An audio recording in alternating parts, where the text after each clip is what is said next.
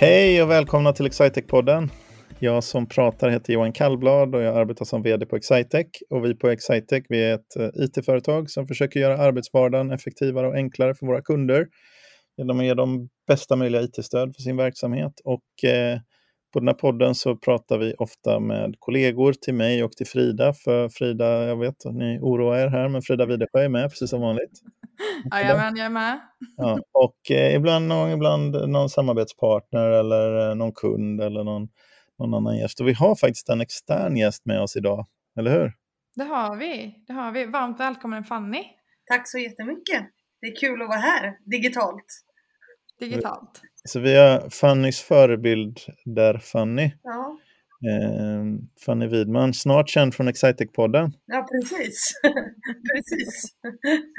Har du, jag undrar en sak, däremot senast vi såg så sa du att du var väldigt nära att få 10 000 följare på Instagram. Eller var det TikTok? Jag kommer inte Nej, det ihåg. var Instagram.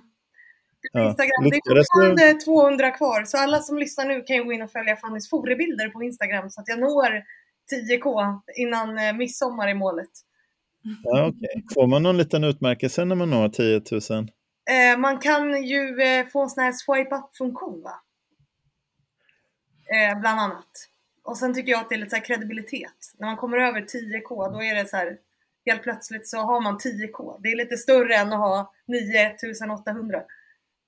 Så, så du vill säga, innan ni har lyssnat på det här eh, poddavsnittet och innan ni har lärt er för mycket om Fanny då, så kan ni redan innan det bara gå in, utan tänk inte efter för mycket nu, gå in nu bara och tryck eh, följ på Fannys forebilder på, på Instagram och hjälp Fanny nå 10 000 följare. Tack för det Johan. Nu måste vi också kolla med vilket datum det har släppts så att jag kan gå in och kolla hur många som faktiskt har gjort det. Ja, det kommer vi inte berätta. Nej, nej. Men du Fanny, du var ju på, du var ju och hängde, vi har ju hängt tillsammans ett tag faktiskt. Ja. Kommer du ihåg när vi träffades första gången? ja, det var när vi gästade Konsultpodden va? Det stämmer. Så heter den. Ja, tillsammans. Vi hade ett litet Precis. samtal med dem där. När kan det ha varit? Det var kanske ett och ett halvt år sedan eller något sånt känns det som. Det var innan sommaren i alla fall förra året. Så det är nog ett, ungefär ett år sedan tror jag. Någonstans där. Och sen så tyckte vi att det som du, sen så såg jag du, du på LinkedIn, apropå det med att använda sociala medier, sen så var du ute på LinkedIn och skrev om att du funderade på att släppa lite mer av ditt dagjobb och du gärna ville ha eh, sådana som stöttade ditt arbete och så vidare. Eh, och då så tror jag att jag, eh, att jag mejlade och sa någonting kan vi säkert eh, reda ut. Men, men vill du beskriva lite essensen om vad är, det, vad är din passion? Varför är det vi ska följa dig på, på Instagram? Förutom din vilja att få 10 000 följare. Men, Precis, förutom det. Eh, nej men jag jobbar ju med jämställdhet och allt det jag gör handlar ju om att liksom förändra samhället till det bättre i form av att skapa ett mer jämställt samhälle. Eh, sen har jag haft väldigt mycket fokus på näringsliv men börjar ju liksom att bredda den bilden också i vad jag pratar om och så. Eh, så vill man lära sig mer om det och liksom vidga sina perspektiv då är jag rätt kanal, tycker jag. Verkligen. Och Fanny, du, för du föreläste ju för Excitec eh, förra veckan. Mm. Men för de eventuella lyssnarna som då inte lyssnade in på det, vad, vad är din bakgrund? Varför började du podda om just det här ämnet? För att jag själv blev väldigt frustrerad över att jag ofta blev annorlunda behandlad än mina manliga kollegor. Eh, Jag kände att jag blev utsatt för förminskning och sexism och la mycket skuld på mig själv och hade liksom väldigt svårt att hantera det där på ett personligt plan. Jag tyckte att det var jobbigt eh, och väldigt svårt liksom. Och eh, ville lära mig att göra karriär. Jag vi- ville veta hur man lyckas som kvinna i karriären. Och bestämde Mm. mig väl då för att fråga massa framgångsrika kvinnor hur de har gjort. Och om de också... Det, där kan ju vara lite, det där kan ju vara lite trixigt om man just kopplar ihop kvinna och karriär. För det finns ju jättemycket forskning på just det. Bland annat um, i en studie som visar att för män så är ju att, eh, att bli mer framgångsrik positivt kopplat till att bli mer omtyckt. Men för kvinnor så är det kopplat på andra hållet. Att ju mer framgångsrik man är desto mindre omtyckt blir man. Eh, så det är ju en sak som gör det mycket mer komplicerat att nå någon typ av framgång som kvinna. Mm. Eh, men det är väldigt intressant att prata mer med dig om Fanny. Och eh, under den här föreläsningen som du hade så skickades det ju in väldigt mycket frågor till dig. Ja. Så jag tänker vi kan ta lite avstamp där. Ehm, så kan vi se, eh, så ska du också prata lite Johan. Det är kämpigt för mig att vara tyst. Jag undrar, det var bra ändå, men, men för vem, vem var det som hade svarat på, alltså mindre, mer eller mindre omtyckt? Är det så? Sherin Sandberg va, som har varit Mm. på Facebook som har sagt det att vi tycker mer, alltså vi tycker mindre om en framgångsrik kvinna än vad vi tycker om en, vi gillar framgångsrika män men vi tycker illa om framgångsrika kvinnor. Och det är precis den eh, studien Hans och Hanna som du också pratar mycket om, eh, Mhm. Fanny. ja precis. Jag tycker, som, jag tycker om de framgångsrika kvinnorna vi har på eh, Excitec, de är mina absoluta favoritmedarbetare. Eh, Så om man skulle fråga Johan så hade du hellre tagit eh, en öl då med en eh, chef-Hanna än en chef-Hans. Ja, jag vet inte om jag har någon chef Hans, men chef-Hanna har jag. Det är ju din chef, Frida. Ja, det stämmer Det bra. vill jag jättegärna ta öl med. Det har jag gjort också många gånger. Härligt. Men vad heter det, vi fick in lite frågor och eh, en fråga var ju hur man får män att reflektera mer över de här strukturerna. Mm.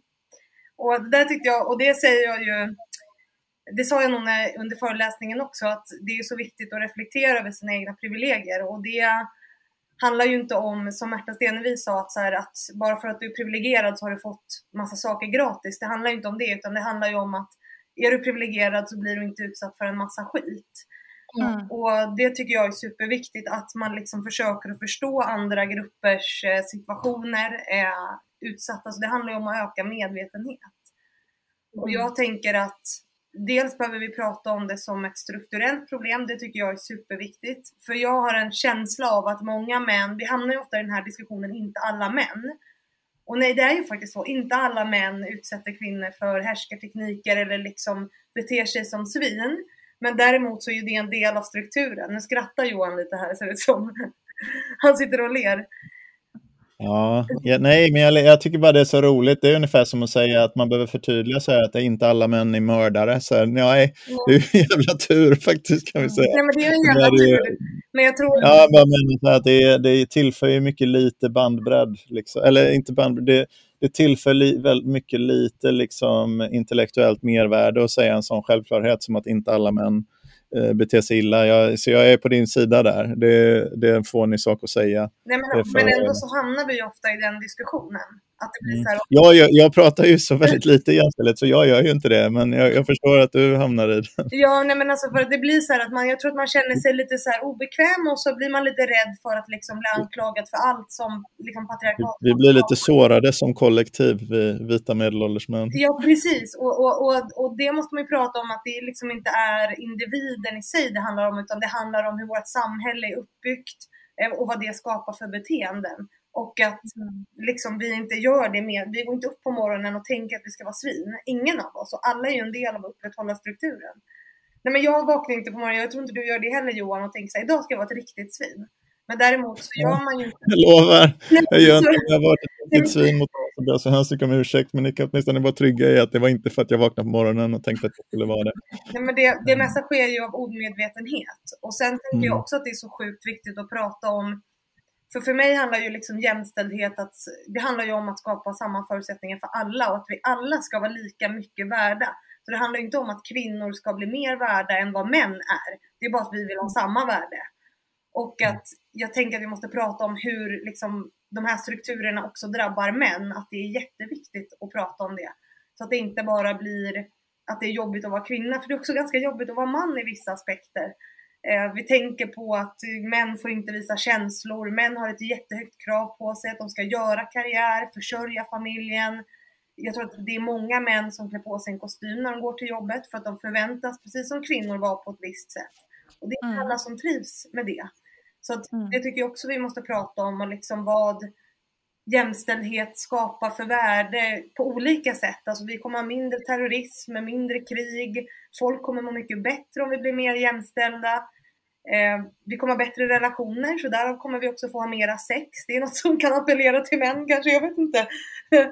eh, det är ju sånt som studier visar att det är sånt vi måste Mm. prata om. Alltså vilket värde skapar det för människor? Mer än att det är- Men Johan, hur tänker du kring det här med jämställdhet? För det var ju på någonstans var det ju ändå du som eh, tyckte det var intressant att börja sponsra Fannys podd eh, från början. Det, det måste ju finnas något, eh, någon tanke. Jag, jag vet inte hur, liksom hur, hur långt bak jag vill backa, eller jag ska backa det där, men egentligen så jag, jag sitter och tänker mest på min samtalen som jag har med min Eh, 19-åriga dotter.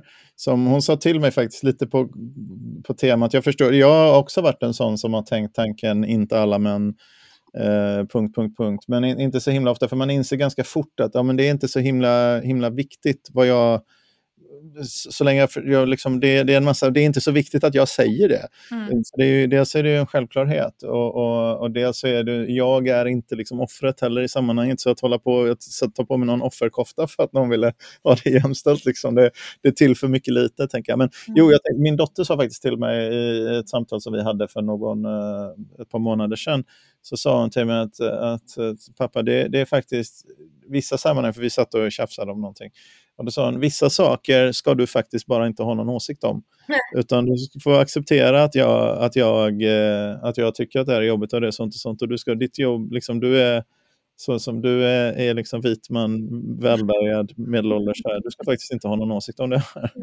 Då tänkte jag inte, nej, men ibland är det faktiskt, det var en liten örfil jag fick då. Mm. Då tänkte jag att ibland är det faktiskt så. Det är inte min, det är inte min åsikt här som är viktig. Men jag tror det jag skulle säga om jag hade någonting som jag, som jag kände där så var det ju att, så jag har två stycken tonårsdöttrar då.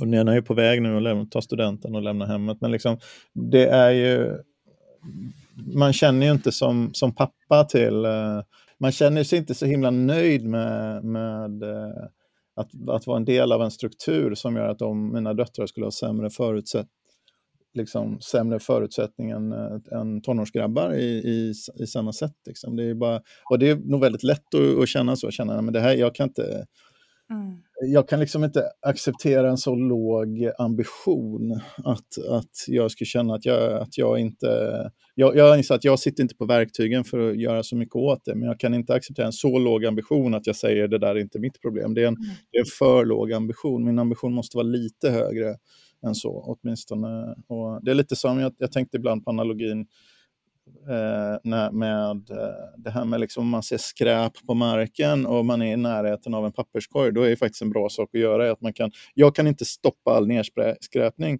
men jag kan plocka upp skräpet och stoppa i papperskorgen. Mm. Mm. Och då, då, kan jag faktiskt, det är lite för låg ambition att inte göra det tycker jag. Så då, mm.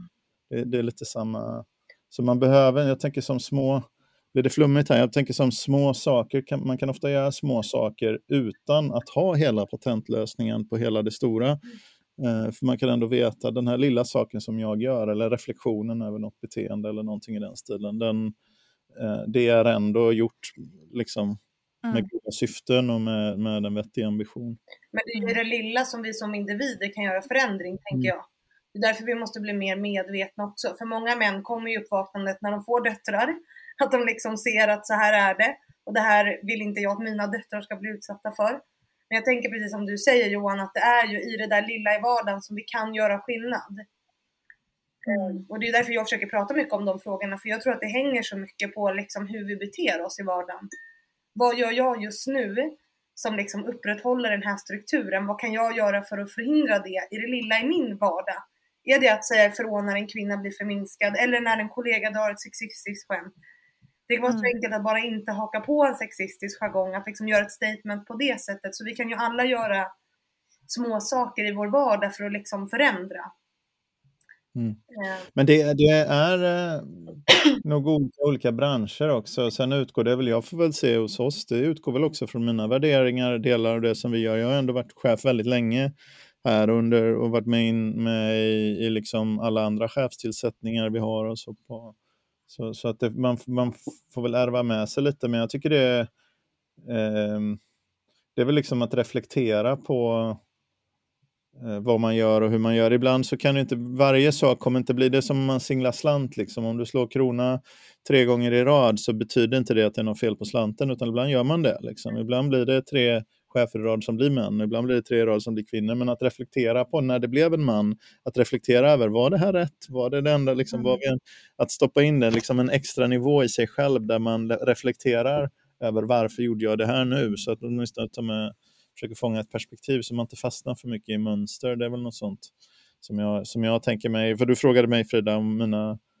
min, min tanke kring det där. Men det är väl så som jag försöker jobba lite grann. Sen, sen, jag tycker det är lite svårt att prata med er också, för ni är ju lika som, som min dotter. Det är ju liksom hennes uppfattning om det är som liksom hennes uppfattning om att bli förminskad är ju, är ju värd väldigt mycket mer än min uppfattning om att jag inte förminskar. För det är ju liksom, Men det är, det är inte jag som har tolkningsföreträdet just i den frågan. Men du kan ju aldrig, alltså jag menar för du är ju en vit privilegierad man så du kan ju liksom Mm. inte du, kan ju, du vet ju inte hur det är att bli utsatt för det men du kan i alla fall försöka och förstå. Det är väl den viljan som är väldigt, väldigt viktig tycker jag. Att man Mm. liksom är nyfiken, att man försöker sätta sig in i andra situationer.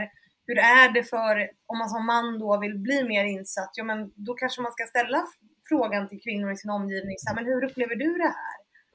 Eh, vad blir du satt i? Så att man liksom vidgar sina perspektiv.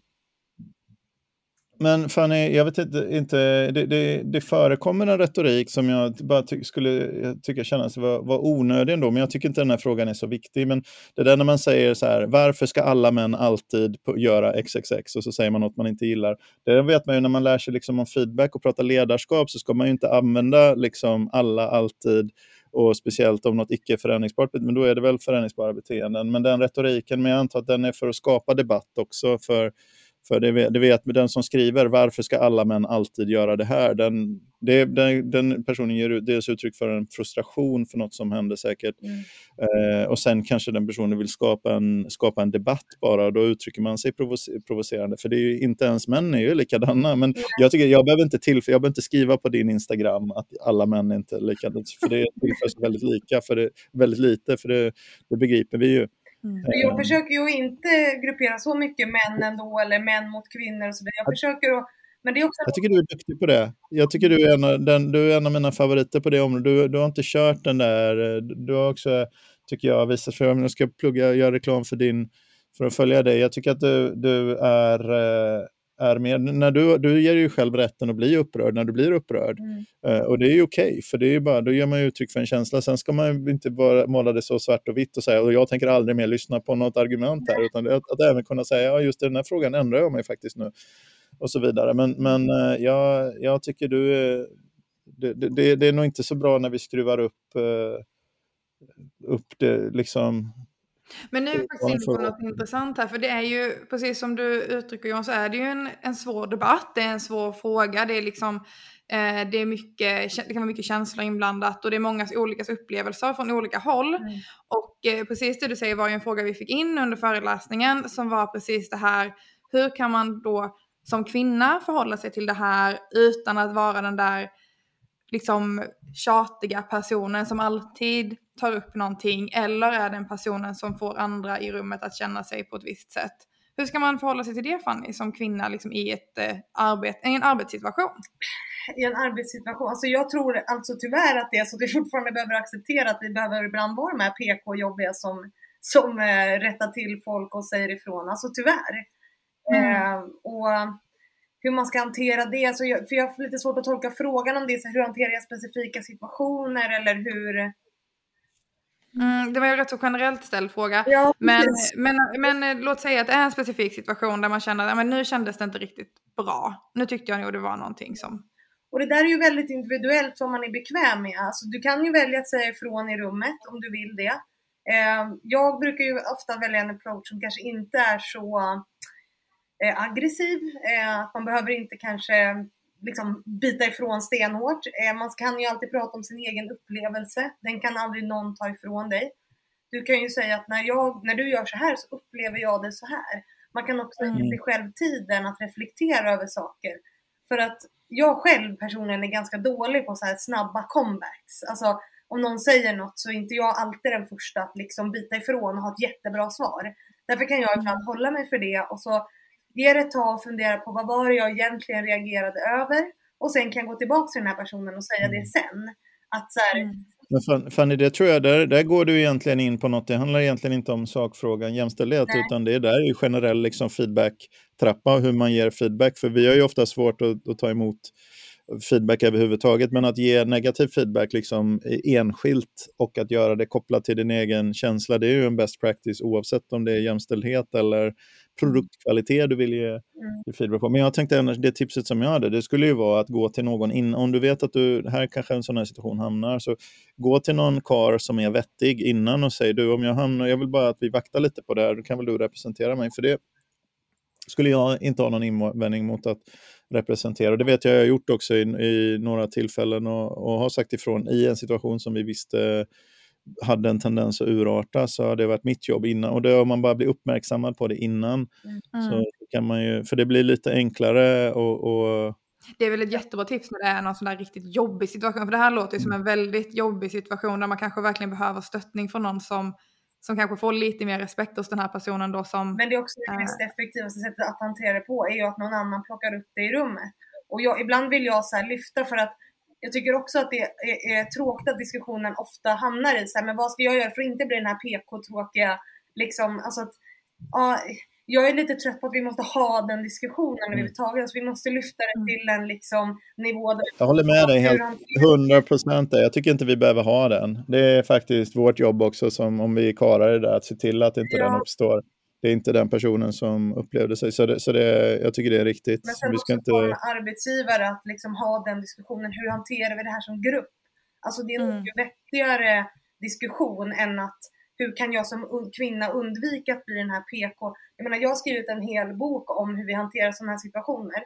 Men jag vill också alltid understryka att så här, hela grejen och det jag gör är ju för att vi inte ska behöva hantera alla de här grejerna. Att det handlar mm. om ett, en grupp, det är en gruppgrej. Hur beter vi oss som grupp? Hur hanterar vi det här som samhälle? Hur kan vi förekomma istället för att man ska behöva känna så som den här personen antagligen gör? Mm. Att man känner sig som en sån här tråkig så jag tycker att vi ska liksom lyfta diskussionen dit upp istället. Det är där, där jag vill vara mer än att mm.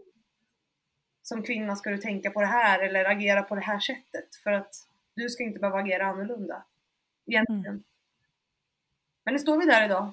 Och eh, tyvärr så behöver vi ju fortfarande göra det. Det är ju den tråkiga verkligheten men... Mm. Just det. Men jag tänker att eh, en, en annan fråga som vi fick in, som är lite intressant också, eh, för många företag har ju olika kvinnliga nätverk på mm. företaget, eller det finns andra kvinnliga nätverk runt omkring som kanske rör de här frågorna. Um, och då var det en fråga som kom in under föreläsningen, så är det vettigt att ha kvinnliga nätverk på ett företag, eller är det mer vettigt att röra de här frågorna fast i ett, ett, rum där man är både män och kvinnor? Mm. Hur tänker du kring det Fanny? Jag tror, eh, jag tror att båda sakerna behövs. Eh, jag tror så här, kvinnliga nätverk, eh, vi behöver de separatistiska rummen och vi behöver ibland liksom lyfta saker tillsammans. Men det jag tycker många bolag gör eh, fel är att man startar kvinnliga nätverk och så ska liksom kvinnorna lösa problemet. Eh, och det ser man ju i studier att många så kvinnor i yngre generationer ofta då känner att man blir särbehandlad och man vill liksom inte känna igen sig med det så är jag en ung kvinna, jag är mindre värd. Alltså man skapar en sån känsla. Nu ska ni kvinnor sitta här och prata med varann.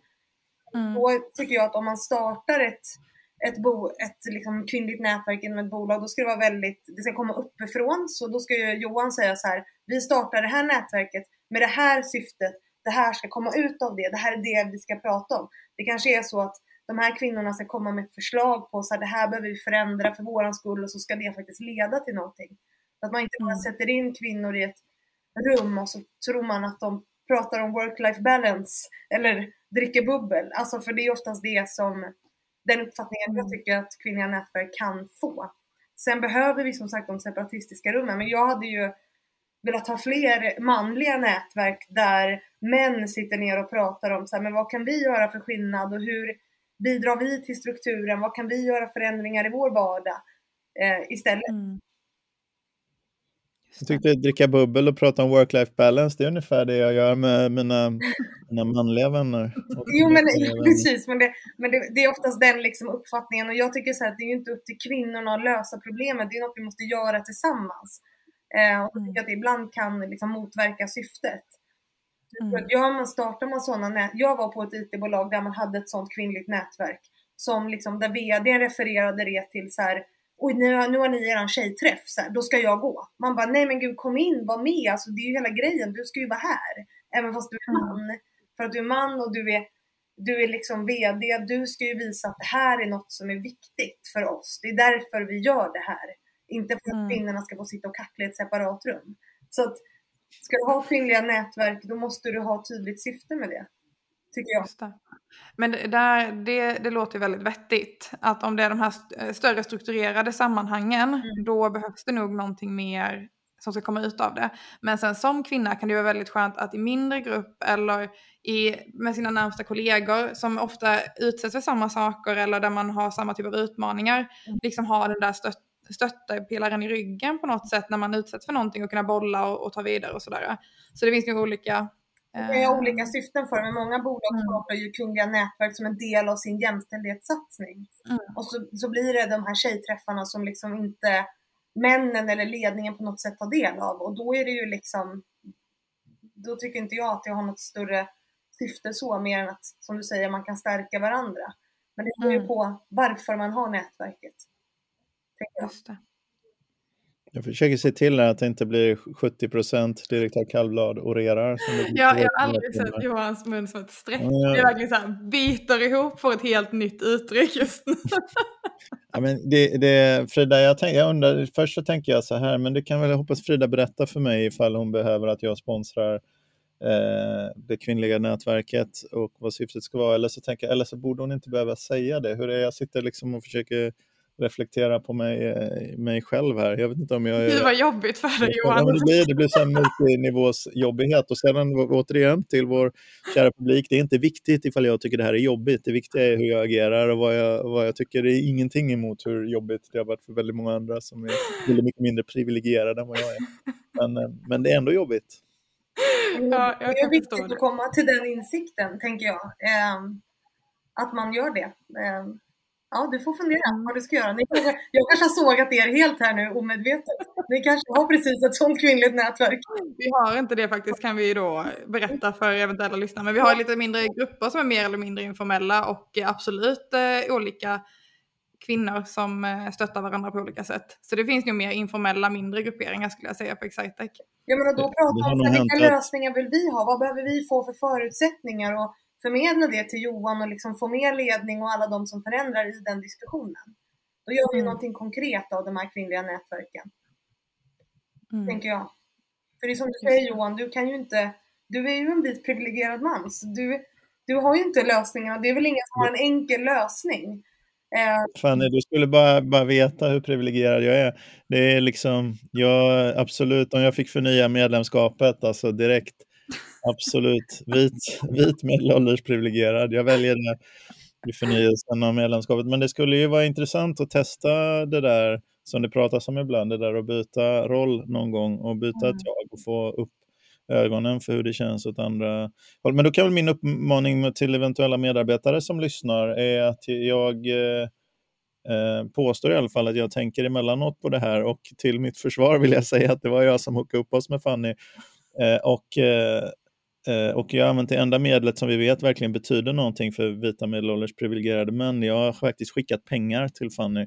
Eh, och, och, och, eh, och, därför vill jag säga, så det som jag skulle vilja, vilja tipsa om eller uppmana till att eh, testa mig, våga gå till mig och säga jag tyckte att det här, om något hände på vårt bolag som gick fel till, gå till mig och säg det, jag tyckte det här gick fel till så ska jag försöka göra bättre och så får vi göra bättre tillsammans. Det är väl den uppmaningen mm. som jag kan. Sen tänker jag också att det är upp till dig Johan att skapa bra samtal. Nu får du lite... och, och, och, men att skapa ett bra samtalsforum för det här. Alltså att, att eh, man kan ju inte heller alltid förvänta sig att kvinnorna ska komma och säga någonting utan du måste ju som ledare ha skapa ett forum för kvinnorna in, i din organisation att prata med dig om det här eller med någon annan.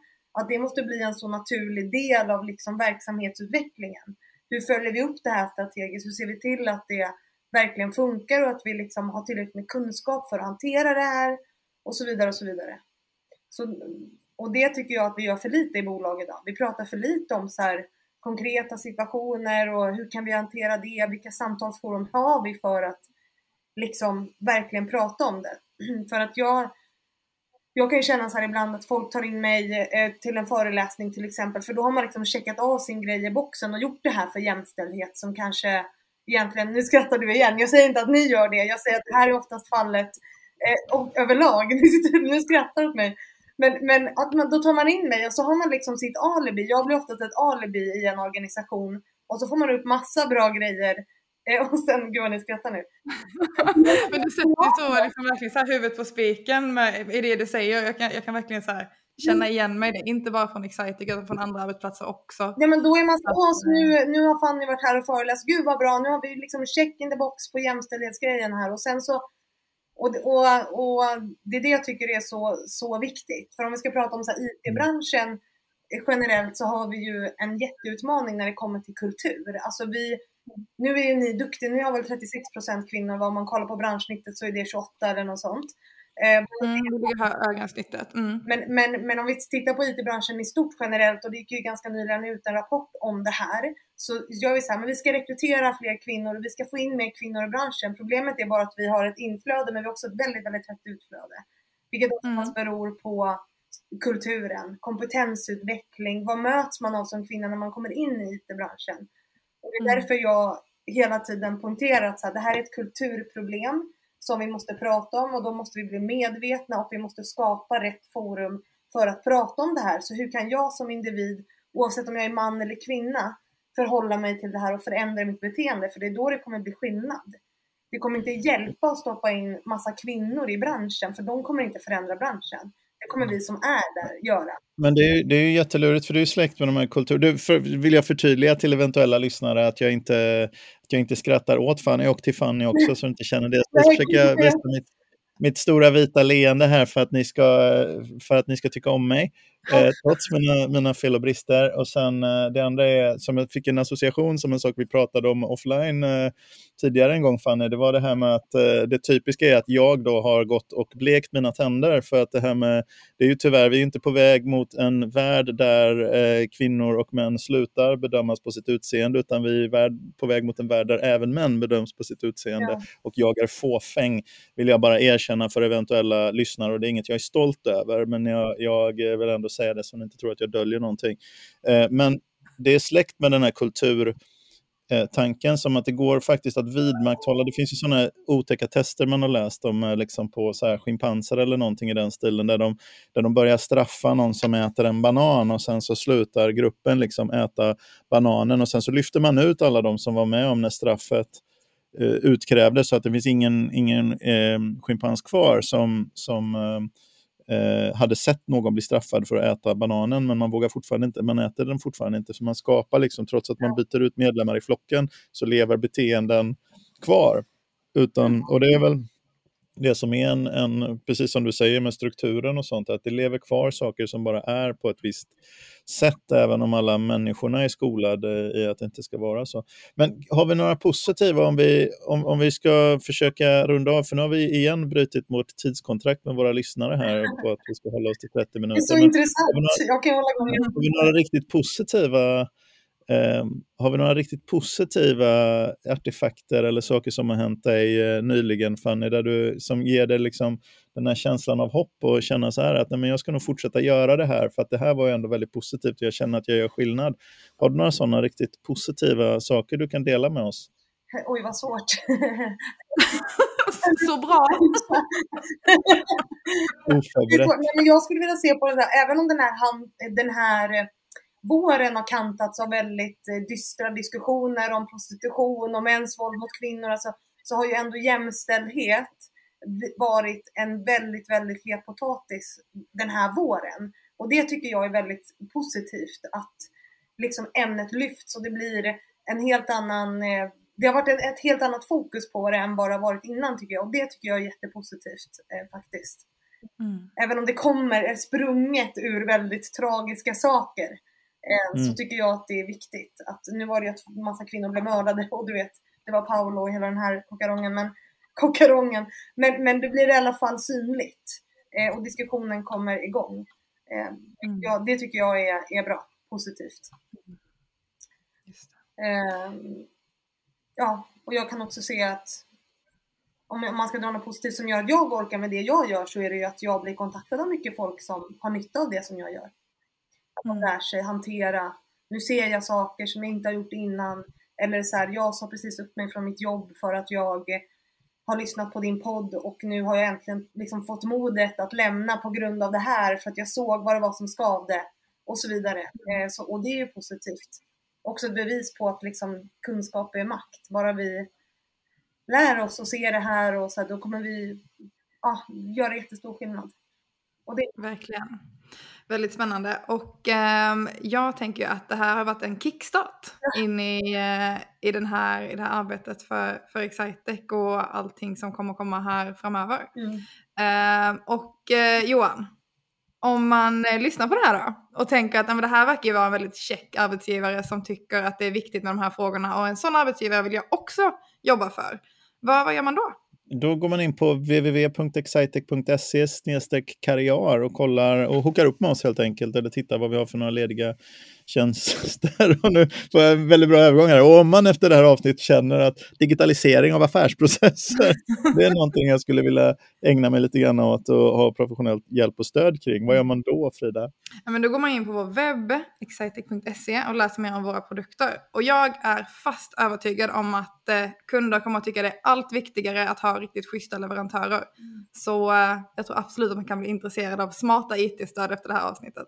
Mm. Men tack så jättemycket till dig Fanny för att du varit med i podden och tack så jättemycket till dig som har lyssnat. Tack. tack.